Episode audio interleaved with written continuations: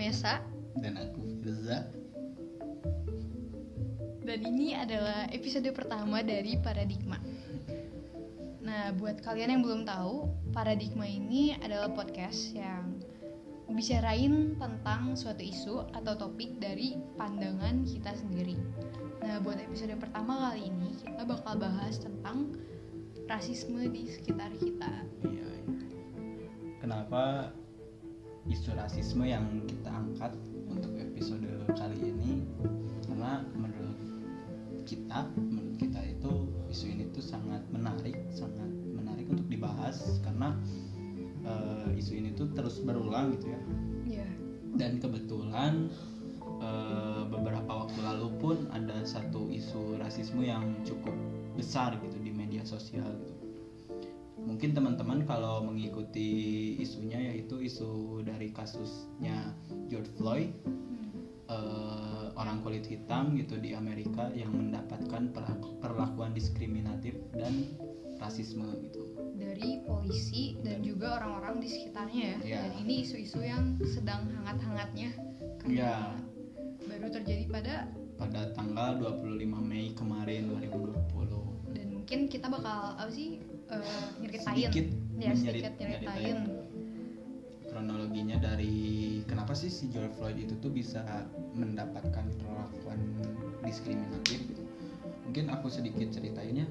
Ya. Jadi pada tanggal 25 Mei kemarin tuh George Floyd itu tuh dia mau ke toko kelontongan.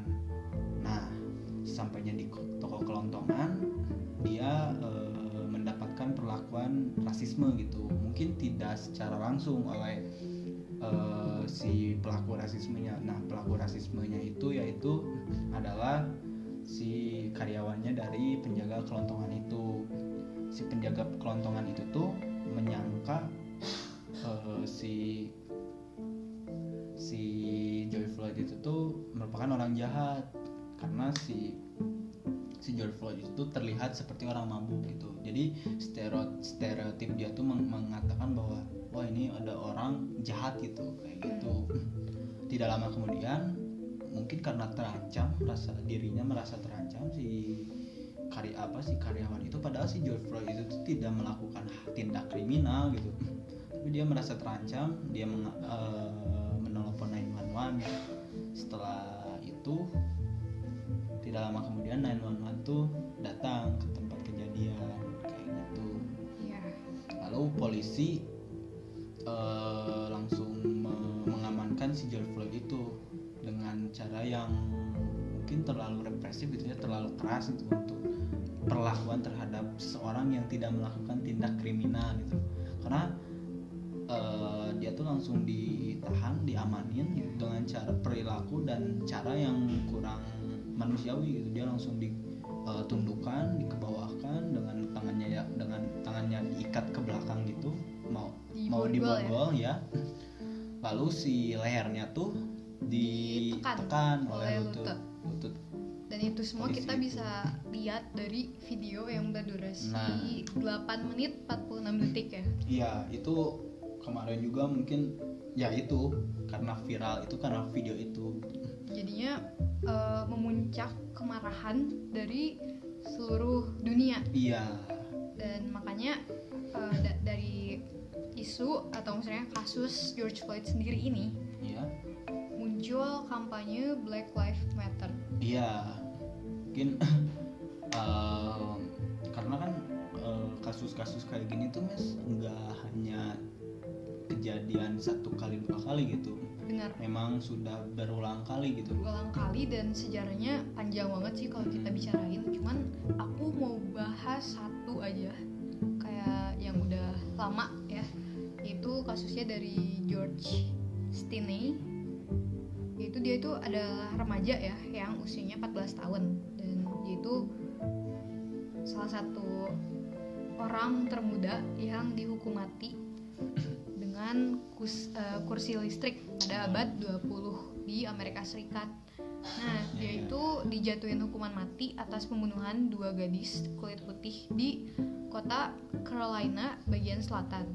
Iya, iya. Dua remaja itu tuh berusia eh maksudnya perempuannya itu namanya adalah Betty June Binnicker dan Mary Emma Thames terus mereka dinyatakan hilang pada Maret 1944 Stanley-nya sendiri itu adalah bagian tim pencari kebetulan ya. Terus dia nemuin kedua mayat gadis itu beberapa jam kemudian di sebuah parit. Nah keduanya ditemuin dengan kepala yang memiliki luka pukulan. Oh ada luka benturan gitu ya di kepalanya. Wow sangat mengerikan ya mes iya soalnya apa ya mungkin pada tahun-tahun pada Hmm. tahun-tahun dulu tuh apa tahun-tahun Oh, iya. abad du- 20 tuh agak Memang- makin main apa ya hakim sendiri Iya. kali ya dan dan, dan parahnya itu ya aja ya ternyata eh, pas udah ditemuin kayak gitu ternyata si dua perempuannya itu sendiri main beberapa jam sebelumnya sama saudaranya. Hmm, dan bukan sama si George Stanley sendiri jadi dia nggak ada di TKP sebenarnya tuh si George uh, Stanley Stanley itu tuh. Tapi karena orang-orang udah berfokus banget sama si Iya, George iya, sendiri iya, iya. jadi dia kepaksa untuk eh, mendapatkan hukuman itu. dapetin hukumannya dan harus pasrah karena pandangan orang-orang di sekitarnya sangat tuan memang banyak gitu kasusnya apalagi abad-abad 20 gitu ya yang ketika pada saat itu memang menjadi ada gap gitu ada gap antara orang kulit putih an- sama orang kulit hitam gitu. Mungkin teman-teman juga pernah mendengar gitu dari dunia dari sejarah seninya juga gitu bahwa musik jazz salah satunya juga itu kan dari semangat perlawanan kaum kaum kelas bawah kulit hitam untuk menentang orang-orang kulit putih gitu sebenarnya gitu. Iya dan di industri-industri film juga ya kita ya gimana tuh mes di industri film? Di industri film sendiri banyak banget kejadian diskriminal diskriminalitas dan rasisme.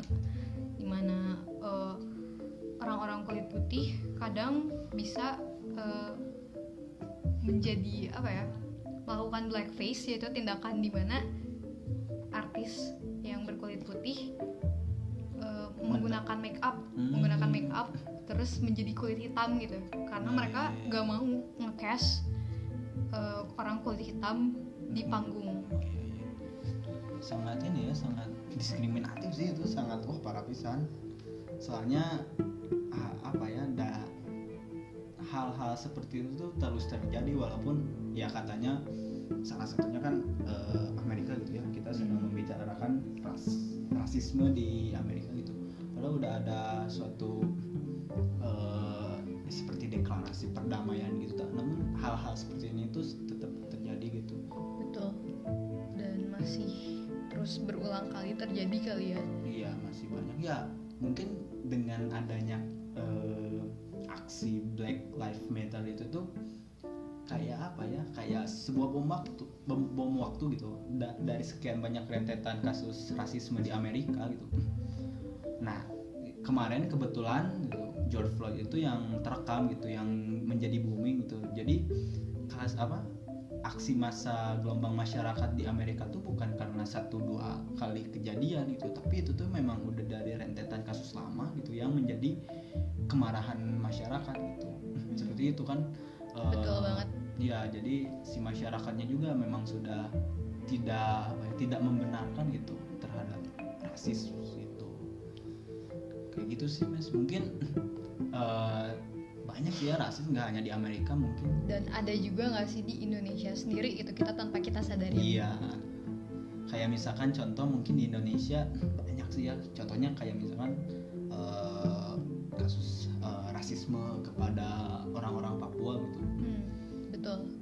Saya sendiri gitu sering mengikuti diskusi bersama teman-teman kawan-kawan dari Papua tuh mengatakan ka- eh, mereka tuh eh, sangat terbatas gitu ruang-ruang demokrasinya untuk di Indonesia gitu.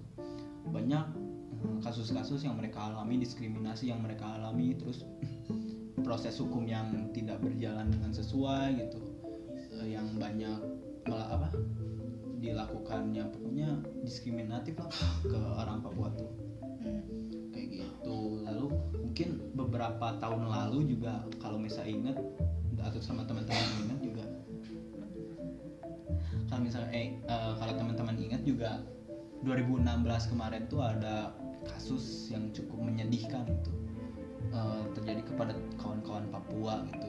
Kan eh, asrama mereka tuh di dibakar? Bukan dibakar itu yang tahun kemarin mes. Oh, tahun iya. 2016 tuh di apa di di gerebek gitu kayak digerebek di tiba-tiba didatangin sejumlah aparat kepolisian tanpa alasan yang jelas gitu. Dan dan ini kasusnya hampir mirip ya sama Iya. yang terjadi di Amerika ya berarti? mungkin teman-teman eh, pernah lihat fotonya ada foto mahasiswa Papua yang diinjak sama ini juga diinjak kepalanya oleh aparat kepolisian lalu eh, si hidungnya tuh ditarik-tarik. Nah dia tuh melapor sebenarnya saya saya juga mengikuti kemarin diskusi dari eh, kawan yang aktivis Papua gitu ya aktivis Papua eh, Papua eh, Veronica Koman sama si dua orang kawannya saya lupa namanya di YouTube channelnya. Dia mengatakan bahwa si Obi Obi ini ya. kawan Siapa Obi Obi ini? Obi itu eh, orang yang mendap- mendapatkan tindak eh, represif dari aparat yang diinjak itu kepalanya iya Nah, si Obi ini tuh eh, melakukan eh, inilah banding hukum gitu terhadap eh, pengadilan, namun malah dibalikin gitu. Si Obi yang salah. hmm. Malah si Obi itu dikatakan eh, melakukan tindak kekerasan terhadap kepolisian. Padahal kalau mungkin pada saat itu karena nggak begitu booming gitu. Karena si ini kawan kita yang dari Papua ini, Obi ini yang mendapatkan perlakuan yang tidak senonoh, tidak Jadinya baik gitu. eh, kesannya kayak victim blaming ya Ya, kayak gitu. dan itu tuh kejadiannya nggak hanya sekali dan Iya. lalu terjadi lagi pada tahun 2019, 2019. Mungkin yang viralnya itu nggak sebenarnya kalau kita berdiskusi dengan kawan-kawan Papua pun banyak gitu rentetan rasisme gitu kayak misalkan kita eh, apa teman-teman Papua gitu ya sering bercerita bahwa sering mendapatkan eh, kata-kata yang gak enak lah kayak misalkan monyet gitu. Iya. kayak gitulah orang hutan gitu. padahal kan mereka juga apa ya mereka juga manusia gitu. Mereka hanya cuma berbeda kulit doang gitu sama kita tuh. Dan menjangankan orang Papua ke orang Tionghoa sendiri. Nah ya ada gak sih di mana pada tahun apa ya 98 98 sih itu paling parah sih. Yang paling parah ya. Salah satu yang parah gitu. Sebenarnya kalau kita ngomongin etnis gitu ya mas kalau ngomongin rasisme kan rasis itu kan kalau kita bisa katakan bahwa sifat rasis itu tuh karena adanya pola pikir kolonial sifat eksklusivitas itu eksklusivitas gitu. Mungkin karena pada saat itu juga pada zaman Belanda juga kan ada dibeda-bedakannya kasta gitu. Iya betul banget sih. Dan mungkin gara-gara adanya eh, orang-orang yang mayoritas mayoritasnya memiliki ras tertentu yang sama sehingga kaum minoritasnya itu kaum Tertindas. tertindas. Betul banget ya sih banyak banyak ya kayak yang tadi Mesa Mesa katakan gitu yang Tionghoa etnis gitu pernah terjadi pada zaman Hindia Belanda gitu, pembantaian etnis Tionghoa di di mana saya lupa pokoknya di di Batavia gitu terus 65 gitu Hmm. kasus 65 ketika peralihan an- dari orde lama ke orde baru juga itu ada eh, diskriminasi etnis bahkan kan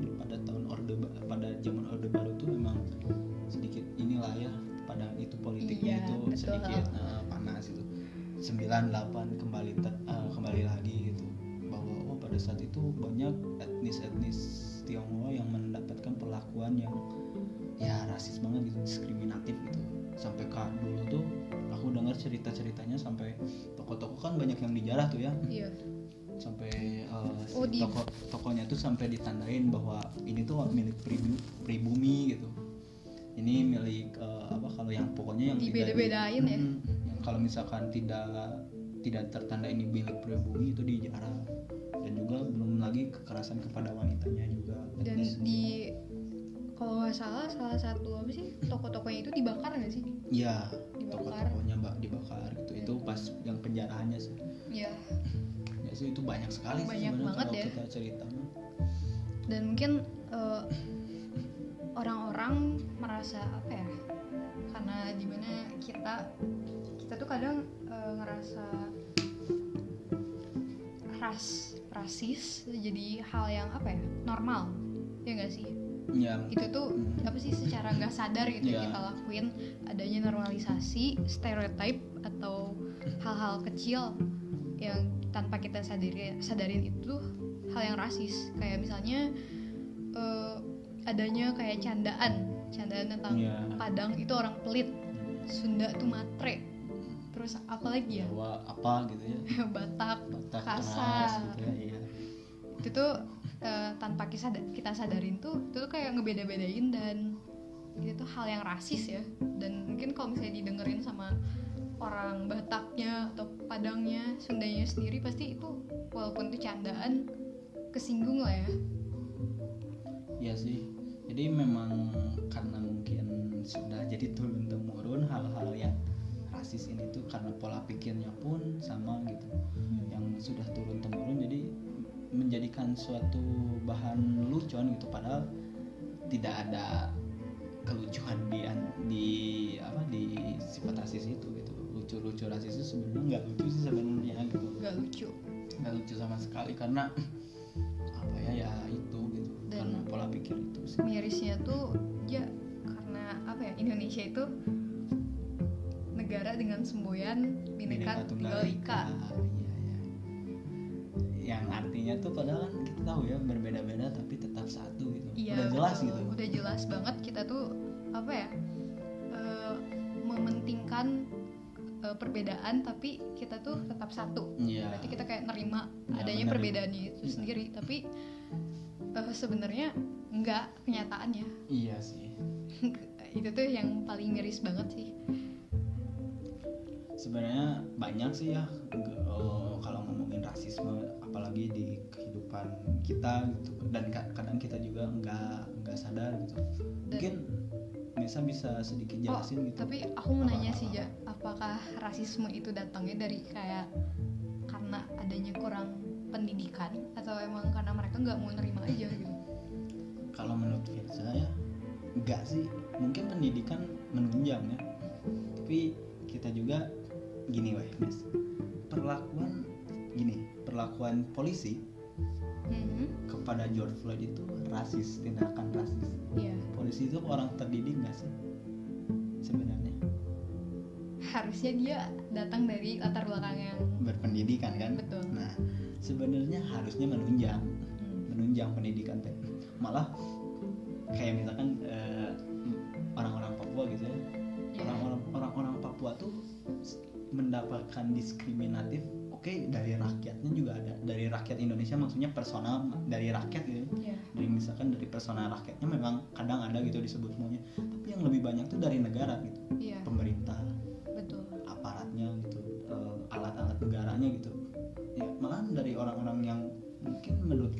berpendidikan gitu. Sebenarnya harusnya gitu tuh eh, ada ada apa ya se- setelah berpendidikan tuh eh, ini apa ada rasa kemanusiaan gitu. Karena jadi ingat Hmm. jadi ingat apa kata-kata pram sih aku mah. Eh, jadi orang yang terdidik itu orang yang sudah sudah damai dalam sejak dalam pikiran gitu sudah sudah jujur dalam pikiran gitu. Pram pernah ngomong itu gitu, kalau nggak salah bukunya Tapi nyatanya gitu. ya nyatanya malah membodoh-bodohi kan malah. Tapi mungkin apa ya?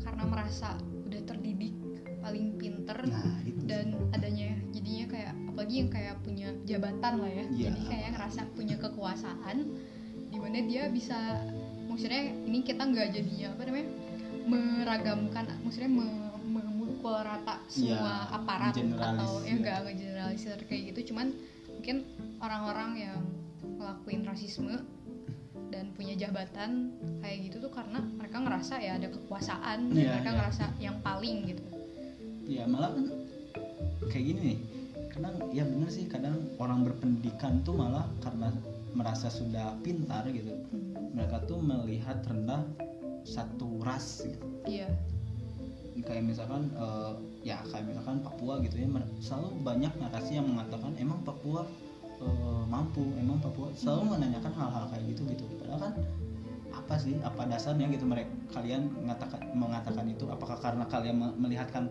melihat pakaiannya seperti itu dan kalian mengatakan bahwa "Ah, gimana sih Papua emang mampu sih? Hmm. kan kayak gitu. Kan banyak itu tuh hal rasis gitu. Iya, menurut, iya, menurut saya itu hal hal rasis gitu. Itu sih mas.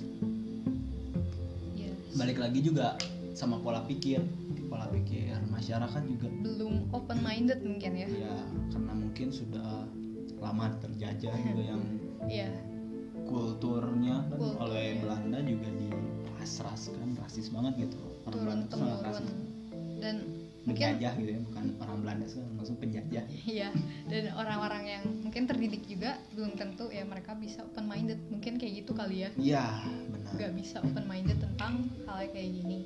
Jadi aku pernah nonton YouTube-nya dan di Laksono gitu. Dia tuh meliput tentang suku Baduy. Suku Iya. Baduy mungkin kalau kita melihat suku-suku kayak gitu tuh kan ter keterbelakangan gitu ya. Itu juga salah satu sifat apa salah satu tindakan rasis sih. Tapi aku melihat gitu dari sisi lain gitu. Terus dia tuh ada ada orang suku Baduy dalam gitu mengatakan eh, kan ditanya tuh sama Mas Dan itu eh, anak-anak di sini pada sekolah nggak? Enggak gitu. Dia anak anaknya dia tuh nggak sekolah Cen. Ya, kenapa? Cen? ya udah sekolah sama kita aja. Sekolahnya tuh sama orang tua didikan orang tua. Eh, anaknya tuh nggak nggak usah pintar karena kalau pintar tuh bisa ngebodoh-bodohin. Itu tuh kata- kata-kata orang dari suku Baduy gitu. Betul betul. Bener kan? Dan terja- kejadian gitu ya Kejadian. Sekarang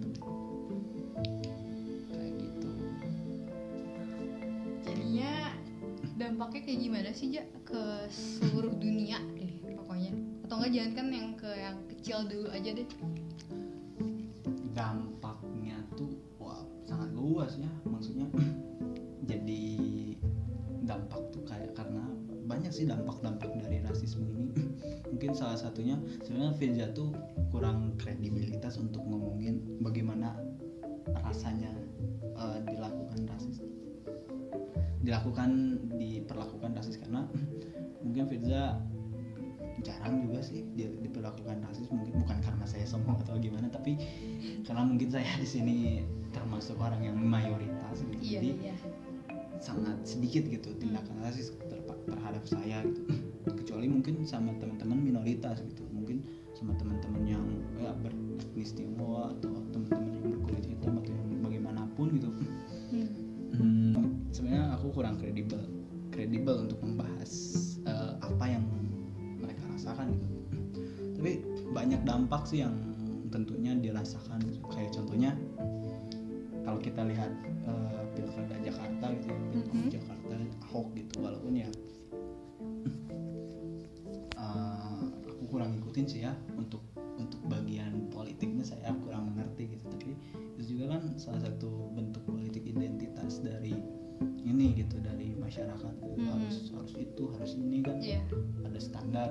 padahal kan jelas tertera gitu di di negara kita itu demokrasi gitu tidak ada memandang ras ras agama itu dari orang tuh dari seperti itu gitu dari ras agamanya tidak ada gitu salah satu dampaknya gitu Ya kan karena sudah mendarah daging gitu bukan mendarah daging ya sudah menjadi pola pikirnya seperti itu gitu. Iya udah tertanam ya.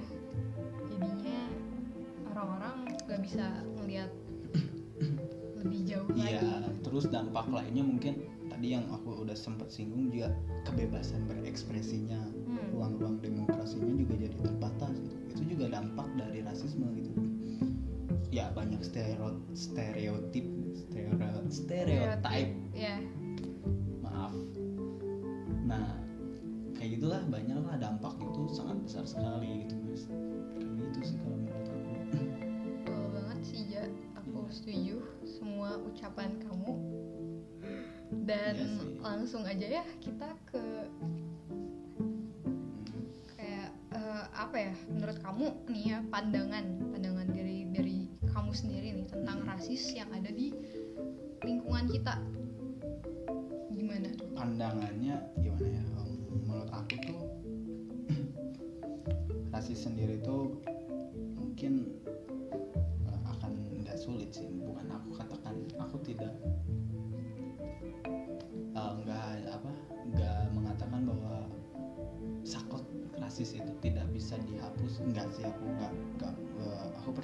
kita bisa mengurangi gitu. Mungkin untuk menghilangkan itu sendiri itu butuh waktu yang panjang gitu.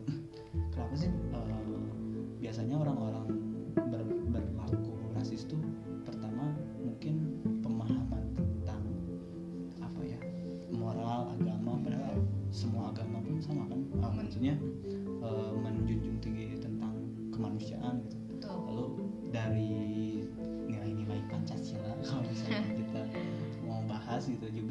itu kan sama apa dari sila pertama sampai sila ke terakhir itu sampai sila kelima itu persatuan Ya, itu- Indonesia. iya itu salah Mesa itu sila ketiga. Kenapa kamu ngomong?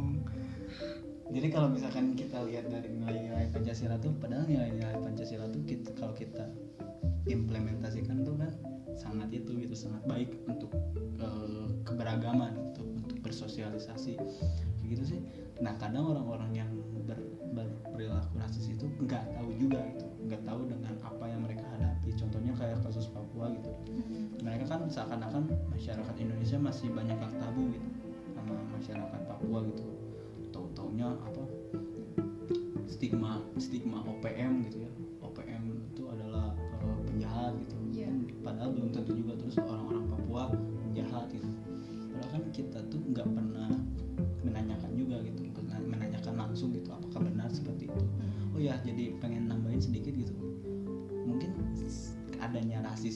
rasisme ini juga kayak yang sengaja dibentuk gitu. Sengaja Karena dipelihara. Konstruksi sosial. Konstruksi sosial itu benar sekali mes jadi adanya konstruksi sosial di masyarakat itu kayak yang dipelihara gitu. Iya. Kayak misalkan Cina seperti itu ya, Hmm. pokoknya yang kayak gitu stereotip itu. Adanya stigma negatif Hmm. di masyarakat sama mungkin eh, bagaimana masyarakatnya sendiri ignoran sama masalah itu. Karena Iya. mereka juga nggak mau tahu gitu nggak mau peduli. Nah itu sekali betul sekali mes yang nggak mau tahu itu bahaya sih. Maksudnya kita mungkin saat ini gitu ya kita nggak bisa maksa juga orang misalkan harus tiba-tiba open minded gitu. Iya, toh kita juga belum open minded sih. Aku juga berpikir masih banyak hal-hal yang aku masih belum harusnya tidak kita tahu. pelajarin Benar. gak sih? Iya benar juga. Dan jadi ya setidaknya kita mengasih tahu gitu. Iya. Memberitahu menginformasikan eh ba- bahwa ini tuh ada sesuatu loh ada ada sesuatu yang nggak beres gitu.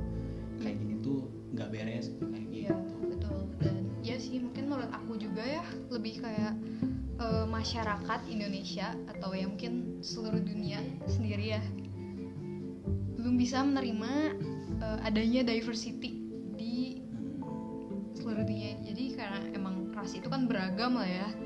Dan eh, orang-orang masih sangat ignoran tentang eh, rasisme masalah rasisme yang ada gitu di dunia ini. Dan em, menurut aku juga rasisme juga bakal ada terus sih Ja, menurut aku di dunia ini. Cuman selama orang-orang selama orang-orang eh, ada yang bersuara gitu tentang melawan rasisme pasti ya bisa di mana orang-orang bergandengan tangan dan tidak melihat perbedaan sama sekali pada akhirnya. Iya bisa. Bisa. Ya dengan usaha itu sih dengan ya karena kan ya itu karena karena ketidaktahuan.